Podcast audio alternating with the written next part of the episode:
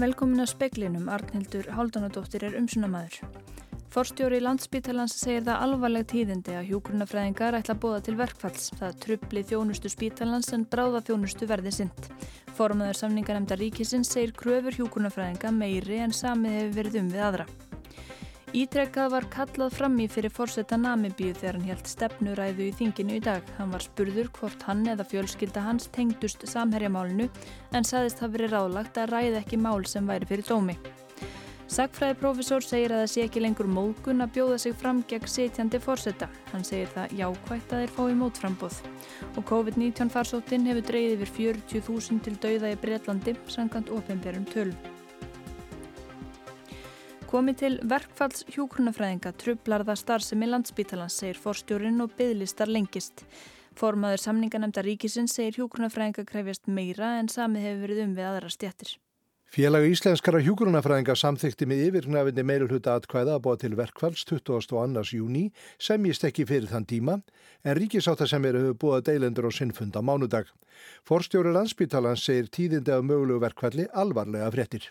Verkvall eru alltaf mjög skadaleg fyrir alla starfsemi og ekki síst helbriðisvonustu og hvað það þá hjá svona líkil stjætt eins og hjúgrunafræðingar eru. Þannig að það eru bara mjög alvarleg tíðindi að eh, búið sér að búið allir verkvalls. En hvaða ári hefur þetta þjónustuna í sumar? Já, þetta tefur auðvitað mjög margt og trublar og ekki á það bætandi en að sjálfsögðu, félag íslenska hjúknafræðinga hefur alltaf verið mjög ábyrgt í, í sínum verkvöldum áður og, og já, vonu að svo verið einni núna þannig að bráðveiku fólki verður auðvitað senkt og undan þá með þess krefur en, en mjög margt mun býða og þetta mun trubla okkar þjónustu saði Pál Mattíasson í samtali við Hólmfríði Daníu Fríðjónsdóttur.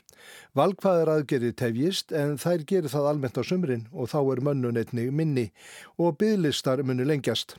Formaður samninganönda ríkisinn segir ríkið hafa tekst sig til hjúgrunafræðinga. Við höfum samanstu mörg framfara spór í þeim samningströfum sem leggja fyrir og nú erum við að ræða launin. Þar höfum við teikt okkur mjög til þeirra innan þess ramma sem að samfélagið hefur náð sátum Við munum halda áfram að tala saman næstu dag og reyna að flöta á þessu en við höfum teikt okkur eins vel og við getum. Segir Sverrir Jónsson. Þegar hann er spurður hvort kröfur hjúgrunafræðinga séu umfram lífskjara samningin, segir hann.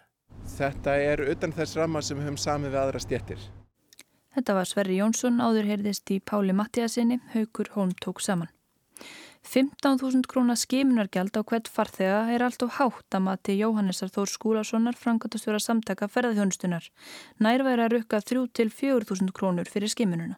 Ríkistjórnin ákvaða fundi sínum í morgun að farþegar sem koma til landsins verða að greiða 15.000 krónur fyrir skimun viljið þeir sleppa við tveggja vegna sóttkví. Já, við teljum að 15.000 krónar gjaldið sé allt of hátt og teljum það alveg augljóst vegna þess að í allri gjaldtöku umræðu síðustu ára hefur ekki nokkur meinasta manni dottið það í hug að setja á 15.000 krónar nefnskatt inn í landið. Skimunagjaldið hafi augljóslega neikvæð áhrif að ferðalag til Íslands í sömar. Samtök ferðarþjónustunar hafi tekið á móti fjölda símtala frá félagsmennum í morgun sem öll séu á sama veg. Það sem að gerðist um leið og þetta var tilkynnt var að það byrjuðu strax að streyma inn ábókanir og neikvæða fyrirspurni til fyrirtækjana, bæði til flugfélaga, til ferðarskristofa, til þjónustuveitenda. Saði Jóhannes Þór Skúlason, Anna Sigriður Einarstóttir rætti við hann. Uppnám varði í namibíska þinginu í gær þegar ítrekað var kallað frammi fyrir fórsetalandsins þegar hann talaði um samherjamálið í stefnuræði. Fórsetin Hage Gængop sagði í ræðusinni að spillingi hvaða formi sem er væri skadaleg og væri því miður viðvarandi vandamáli í landinu. Hann sagði ránt að pólitískan vilja skorti til að takast á við spillingu. Fórsetin sagði að lungu áður en uppkomst um hið svo kallaða fissrott eins og hann orðaði það og vísaði þar til samherja skjálana, hefði hann óskað eftir því að nokkrir ráþherrar brygðust við ásökunum um spillingu. Þetta fór ekki vel í anstæðingans í þinginu sem kalluði fram í. Long before the so-called fissrott expose, during the February 2018, I requested, it's okay, it's okay. I requested several cabinet ministers to respond to allegations no, no, no, no. Let, of corruption let's, let's have order, please. leveled order, against order. them. Þarna var fórsetið þingsins farin að reyna að fá þögn í salin eins og heyra mátti, en það gekk ekki vel. Why don't you wait and ask questions? There is a question time. We need order. Please sit down, please. Sit down. Please, sit down, please. Að endingu fór forsettinn úr ræðustól án þess að ljúka ræðunni og andstæðingar hans fögnuðu.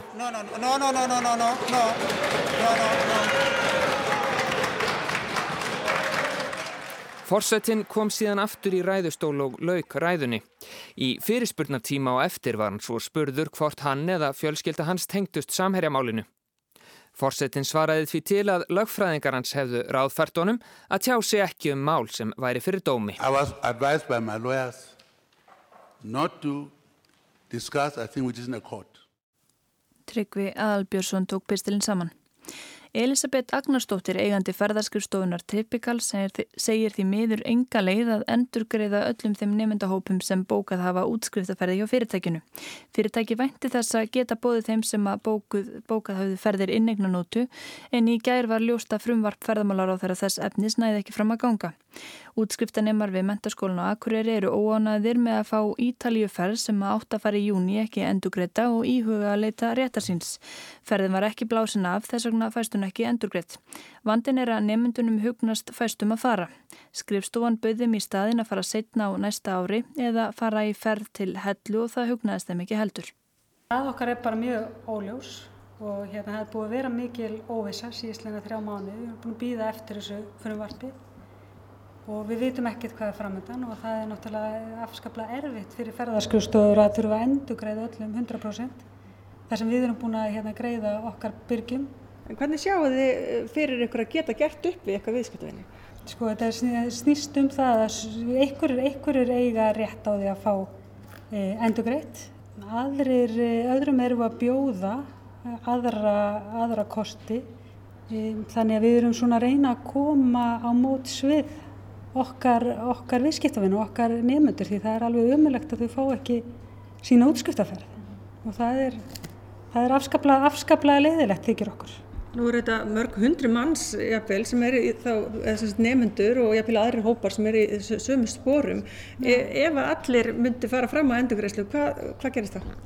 Það bara þýðir það að fyrirtæki fyrirtrótt og það er ekkert, það er engi leið að, að endurgreiða, endurgreiða öllum saði Elisabeth Agnarsdóttir í samtali við Ölmu Ómarsdóttur.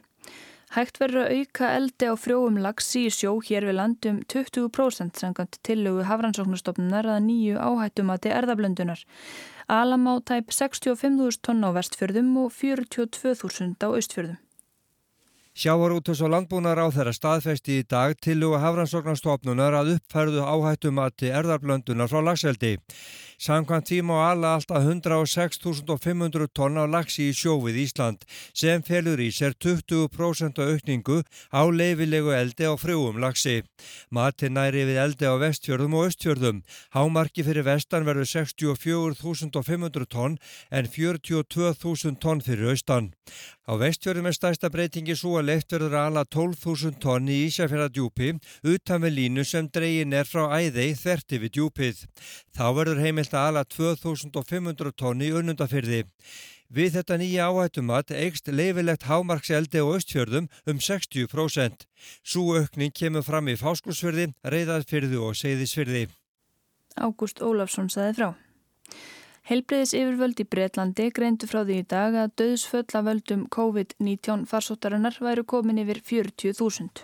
Alls létust 357 sjúklingar síðasta sólarhinga völdum COVID-19 í Breitlandi. Hildarfjöldin er þar með komin í 40.261. Á 1700 tilfelli koronavirunar voru greind í landinu í gær. Breska Hagstofan og NS heldur einnig skrái yfir smitaða, veika og látna. Samkvæmt hennargögnum voru rúmlega 48.000 látnir 22. mæi. Bresk stjórnveld telja að hámarki farsóttarinnar sé náð. Boris Jónsson fórsættisra á þeirra áformar því að fara að slaka á viðbúnaði sem gripiði var til í mars til að stöðva útbreðslu veirunar. Raunar má segja að svo áætlum sé þegar hafinn þar sem yngstu nefendunum í grunnskólum á Englandi var heimilaði vikunni að hefja skólagöngu á ný. Meiri hluti fóreldrana var raunar efinsum að það væri tímabært. Frá næsta mánu degi verða verslanir opnaðar á ný þar að segja þær sem selja annað en brínustunöð sína vörur. Matt Hancock, helbriðisar á þeirra, sagði á stöðufundi í dag að þótt byrjað væri að slaka á viðbúnaði vegna veirunar þyrstu landsmenn að sína ábyrð og halda sig í hæfilegri fjarlagð hver frá öðrum. Hann kvatti fólk til að sækja ekki hópsamkomur, til dæmis mótmælafundi vegna harðræðis bandarísku lauruglunar gagvart þeldökkum. Áskir Tómasson saði frá.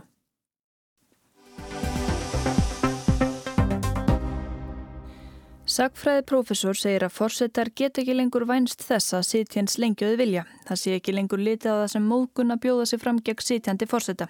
Guðinni T.H. Jóhannesson er fyrsti forsetin sem fær mótframbóð eftir sitt fyrsta kjörtímabill. Guðni T.H. Jóhannesson, fórsett Íslands, var ósáttur við að í viðtali við hann í speiklinu mikið æri var nær einungis fjallaði um völd fórsetta í tengslu við málskottsréttin. Guðmundur Haldunarsson, professor í sagfræði við Háskóla Íslands, segir að vissulega snúi störf fórsetta fyrst og fremst um annað en málskóðstréttin. Það verður verið rætt um það í sjálfur sér frá upphafi e, þessa ennbætti, skort að þetta sé einhvers þörfaði að vera með, svona, vera með þetta ennbætti. Ennbætti snýstu auðvitað miklu leiti um það að að, já, sumir tala um að klippa borða, gera alls konar svona formleg og seremónial aðtapnir sem að fórstinn tekust átt í En flest ríki eru með svona ennbætti, það er flest ríki eru með eitthvað sem að, sem að kemur fram fyrir hönd uh, ríkisins og, og er svona þá uh, eins og ríkishöfuð, svo við notum ensk, þýðum beintir enska heiti. Þannig að, að fórsetinn, hann, hann uh, er svona á vissanhátt svona tólkar að mörgu leiti svona þjóðar andan, ef við getum kallað, kallað það, ef það, ef það, orðið til eða, eða það, þessi þjóðar andið til að hann á á einhvern nátt að vera svona eh, að þjóðin á einhvern veginn að, að, að saminast í honum. Þannig að þetta eru það sem fórsnin gerir. Hann er að fórsitanir eh, eru málsvara fyrir ákveðnar hluti þeir, þeir eh, mæta við ákveðnar aðtapnir, þeir, þeir svona lögmæta ákveðnar hluti þegar þeir koma að opna við skulum segja ráðstefnu, það gefur ráðstefnu ákveðið vægi, þar, hann, þeir koma í skóla, þeir ferðast um landi, þeir, þetta er alveg gríðarlega fjölbreytt starf og, og það, ég, ég vil ekki gera of lítið úr þessu, þá sögum ég tala um þetta svona einhverju punktúkur að, að þetta, þetta er eitthvað sem að eins og segir ég gera og ég hef gert annað en Íslandinga vilja hafa þetta líka. Gunni segði að það mætti ekki setja fórseta í spennitreyju þannig að ekkert svigurum væri fyrir viðkvandi fórseta til að móta ennbættið. Í tímans rás hafa fórsetar móta það eftir eigin höfði en þó í samræmi við stjórnskipjum landsins. En hvernig hefur Guðuna gengið að setja eigin eh, svip á ennbættið? Guðmundur segist ekki vera alveg hlutlaus því þeir hafi starfað saman á sínum tíma. Mér finnst hann að tekist þetta vel og, og hérna, hann kemur svolítið nýjan tón í ennbættið sem að, að mörguleiti held ég hafi ekki verið slegin áður og það hluta til mótast ég mótast að tvennu, annars vera honum sjálfum hans fjölskyldaðstæðum hann, er, hann er, er með ung börn og í ennbættinu þannig að það auðvitað setur honum svona ákveðin, eh, ákveðin ramma. Hann er, hann hann er mjög alþýðlegur í, í framkomu og, og hérna á auðvelt með að tala við, við fólk uh, af öllum stjættum samfélagsins. En um leið að þá auðvitað mótast ennbættið af tíðarandanum að tíðarandin auðvitað er allt annað núna heldur en var við skulum segja þegar Sveit Björnsson var fórseti ef að, ef að, ef að fórseti Ísland núna myndi hegða sér eins og Sveit Björnsson og, og klæða sér eins og hann þá myndi hann vera fígúra og enginn tætti marka á hann e, og það hefur ekki með Sveit Björnsson að gera því að það er bara tímin, tíðarandin hefur breyst. Ef maður fylgist með uppafstöðum sjónarsins að þá þéruðu menn hvern annan í kappræðum. Þetta er, þetta er bara lengur búið að aflækja þetta þannig að ef að ef að Guðni Tjá Jónusson eða Forsetin færi að, að týðka það að þjera fólk þá myndi myndi finnast það undarlegt. Þannig að þetta er, þetta er alltaf samspil á milli einstaklingsins sem er gegnir ennbættinu og, og þess þeirra þjóðar sem hann er fulltrúi fyrir.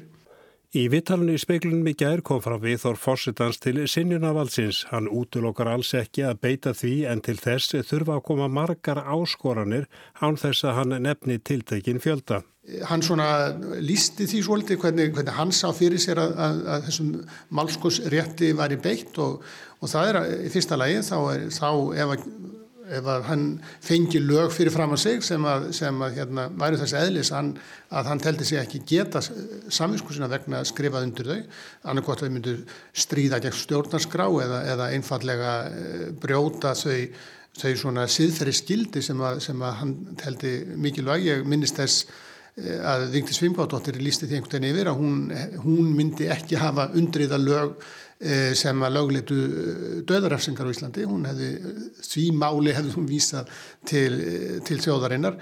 Það kom aldrei upp á hennar tíð en, en það, er, eru þannig málefni sem að Guðin er sjálfsagt að vísa til.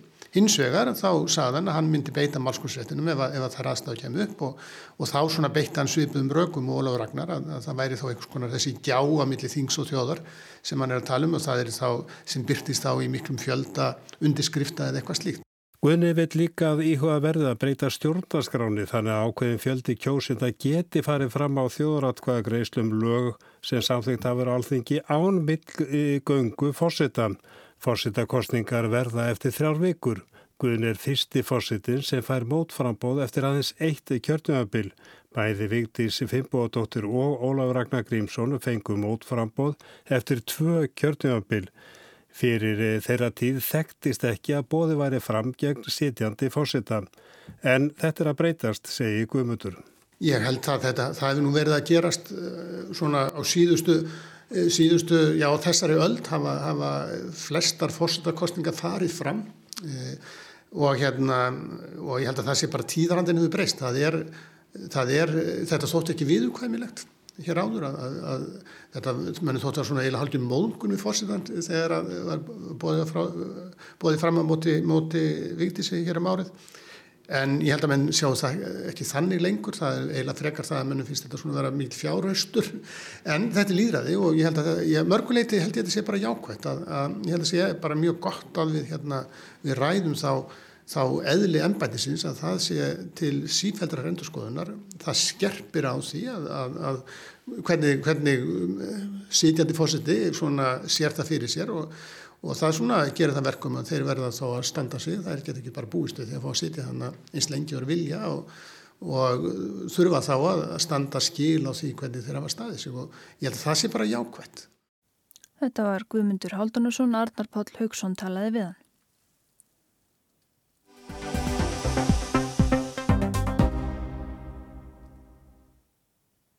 Þrettán ár er hún liðin frá því að breska stúlkan Madeleine McCann kvarf þegar hún dvaldi á sögmælefi stað í Portugal á samt fóreldrum sínum og sískinum. Hún var aðeins þryggjára og ekkert hefur spurst til hennar síðan.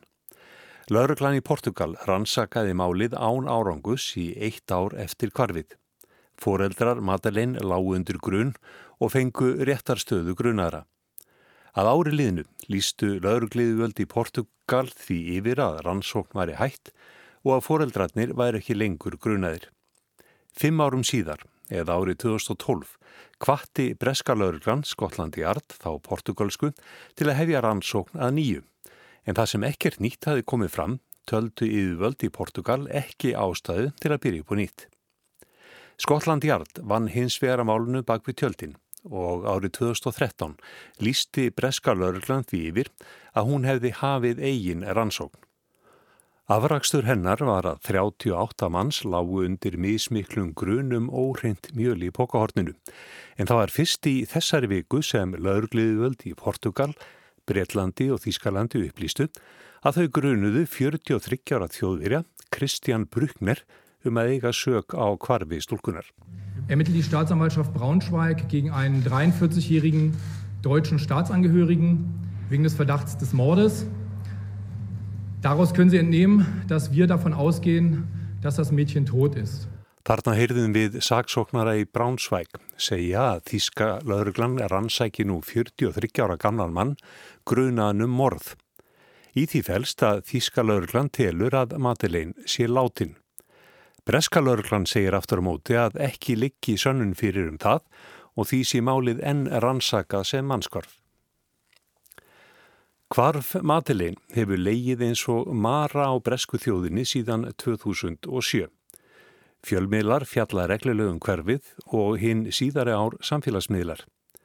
Allskins tilgátur og kenningar hafi verið setta fram um hvað orðið hafi að stúlkunni, sumar trúverðuar, aðrar fullkomlega galnar.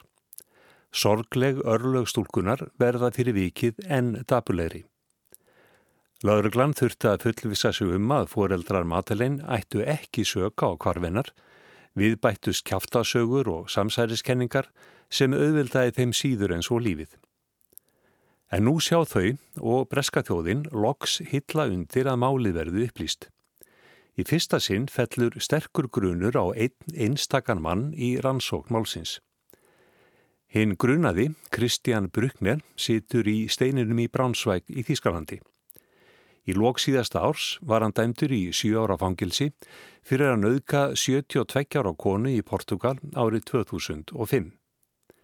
Bruckner er barnanýðingur og kynferðisbrótamaður og hefur hlotið dóma fyrir kynferðisofbeldi, þjófnað og fíknefnasmikl og sölu.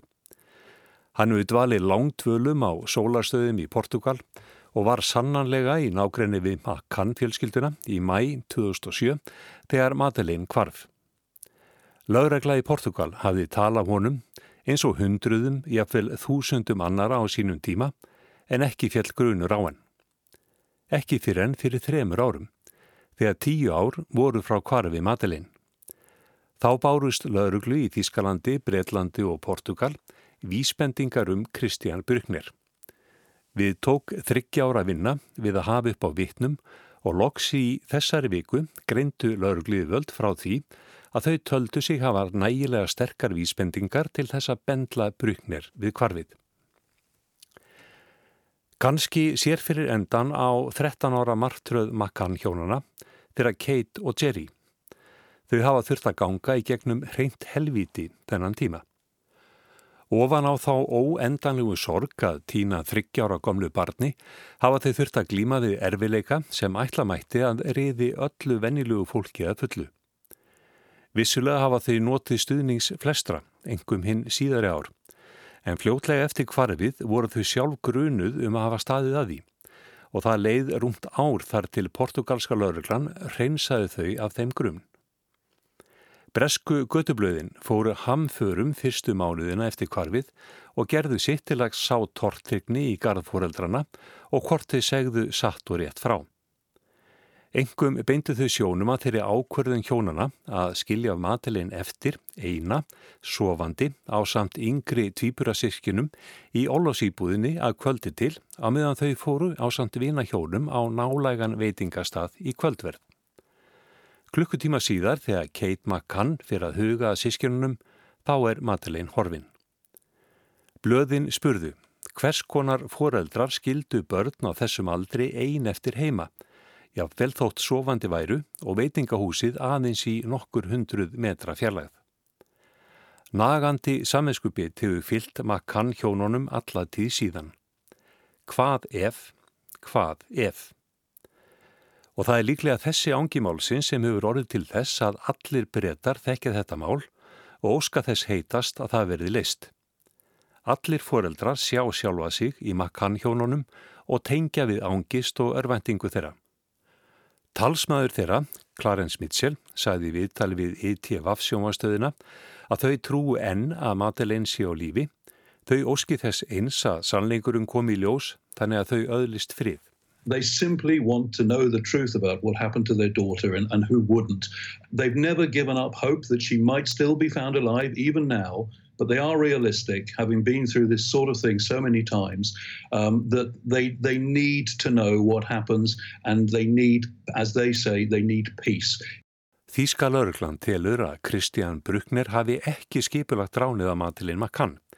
Hann hafi hins vegar verið búin að skipulegja innbrott í Orlofs íbúð Makkanna hjónana og notaði tækifæri þegar þau fóru út að snæða kvöldverðin. Matilinn Makkan kom upp í hendunar á honum í innbrottinu og engin, nema hugsanlega Kristján Bruknir, veit hver örlög hennar urðu. Kristján Sigurjónsson saði frá. Stjættaskipting og félagslegt misréttir meðal ástæðana þess að Brasilia hefur farið mjög ítla út úr kórnuverufaraldrinu. Sægur vinnu hvenna ferðast daglega og millir hverfa fátaklinga og hinna betur stæðu. Nú hafa 618.000 grenst smitaðar í Brasilju og 34.000 eru skráði látnir úr COVID-19. Sjúkrahús í Brasilju hafa engan vegin undan og líklega er fjöldi smittar og látina verulega vantalinn í opimberum tölum. Fjöldi fólk steyr heima hjá sér en það hafa fæstir efni á öndunavélum engareikina hátækni sjúkrahúsa. Forsetin Sjár Bolsonaro hefur gert lítið úr vandanum, talað um væga flensu og hvart landsmenn til að mæta til vinnu. Hjól efnahagslífsins verði að halda áfram að snúast. Byggingar í stórborgum eins og Rio de Janeiro eru skipulaðar í samræmi við stjættaskiptingu landsins. Íðulega eru tvær liftur, önnur fyrir íbúana en hinn fyrir þjónustu fólkið og með sama hætti tveir ingangar í hverja íbúð. Samgangur heldra fólks og þjónustu liðs á ekki að vera meiri en nöðsin krefur. Efnara fólki býr yfirleitt nær ströndinni en þjónustu fólkið í fátækra hverfunum eða favelunum uppi í hlýðunum. Sundlugar má sjá á þökum efnafólksins en í reysunum eru tankar til að sapna regnvatni. Fyrsta skráða döðsfallið í Brasilíu var einmitt Cleonise Gonçalves, 63 ára heimilishjálp úr fátakrakverfi. Hún var með undirliggjandi sikursíki. Húsráðandur hafðu farið til Ítalíu í skemmtiferð en greinst með COVID-19 við komuna til landsins. Þau töldu ekki ástæði til að láta húsjálpina vita. Cleonise Gonsalves hjælti áfram að vinna en lést á almenningssjúkrási nokkrundum síðar án þess að fá nokkra greiningu. Sjúkdómurinn grasserar í fátakra hverfunum en ekkert látir á stöðu um ströymi vinnu fólks frá favelunum til stöndur í borgarhluta. Margir reyna að draga enn frekar úr samskiptum, halda fjarlagð eða fækka vinnudögum en fæsti treysta sér til að lifa án húsjálpar sem er rót gróin í menningunni.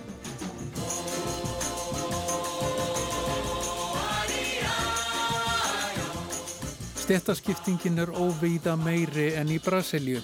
Seks ríkustu menn landsins eiga meira en fátækari helmingur landsins til samans eða meira en 100 miljónir manna. Ríkasta tíund þjóðarinnar fær 55% af öllum tekjum landsmanna en helmingur þjóðarinnar þarf að lifa á því sem jafngildir 10.000 krónum á mánuði.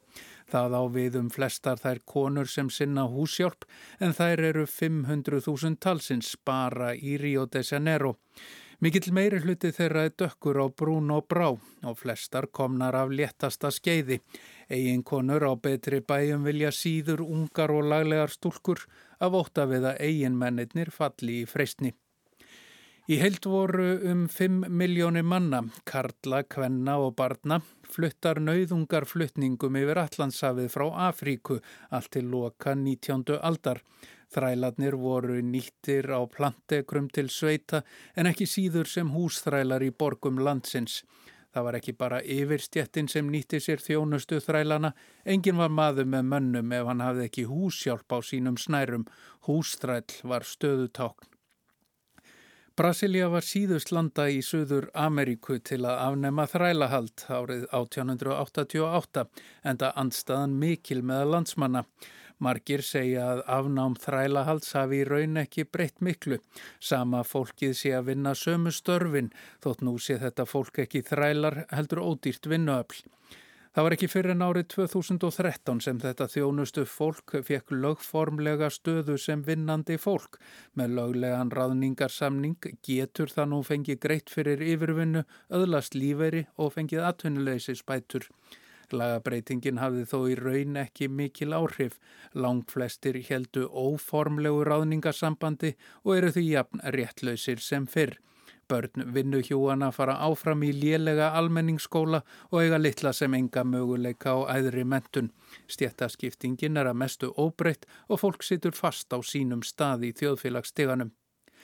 Alþjóðabankin telur að 5 miljónir manna lendi í algjörri örbyrð vegna koronaveiru faraldursins í Brasilju og að 50 miljónir landsmanna gæti ekki látið endan á saman án þeirra 100 evra sem stjórnvöld færa þeim mánadalega sem neyðar aðstóð í yfirstandandi faraldri. Það jafngildir um 15.000 krónum á mánuði. Faraldrun er nú einna verstur í Suður Ameríku og Brasilia hefur orðið hvað harðast úti. Sjúkdómurinn grasserar í fátakra hverfonum en berst með húsjálpinni til betri hverfana.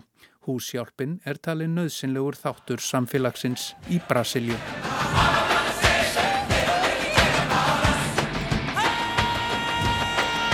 Pálmi Jónasson tók pistilinn saman. En það var meðal efnis í speklinum í kvöld að forstjóri landsbítalans segir það alvarleg tíðindi að hjókurnafræðingar ætla að búa til verkfalls það trubli þjónustu spítalans en bráða þjónustu verði sint. Formaði samninganemnda ríkisinn segir kröfur hjókurnafræðinga meiri en samið hefur verið um við aðra. Ítrekkað var kallað frammi fyrir fórseta Namibíu þegar hann helt stefnuræðu í þinginu í gær. Hann var spurður hvort hann eða fjölskylda hans tengdust samherjamálinu. Og sagfræðiprofessor segir að það sé ekki lengur móðgun að bjóða sig fram gegn sitjandi fórseta. Hann segir jákvægt að þeir fái mótframbúð. Veðurhorfur norðan 8-13 metrar á sekundu en 13 til 18 og snarpar vindkviður á austfjörðum og suðausturlandi. Það er í gildi gul viðvörun og vegfærandur kvartir til að sína aðgátt. Létt skeiðum landi sunnan og vestanvert er dálit til jél eða skúrir norðaustan til, hiti frá einu stíi í innsveitum og norðausturlandi upp í 12 stíg sunnanlands að deginu. Dregur úr vindi kvöld og nótt, norðvestan 3-8 og morgunin 8-13 austast. Viða þurft og bjart veður en skíja með köplum fyrir norðan, hiti 4-14 stíg, mildast síðst. Það voru ekki fleiri spekli kvöldsins, það var eh, Markus Hjaldarsson sem sendi út, verið sæl, afsakið verið sæl og góða helgi.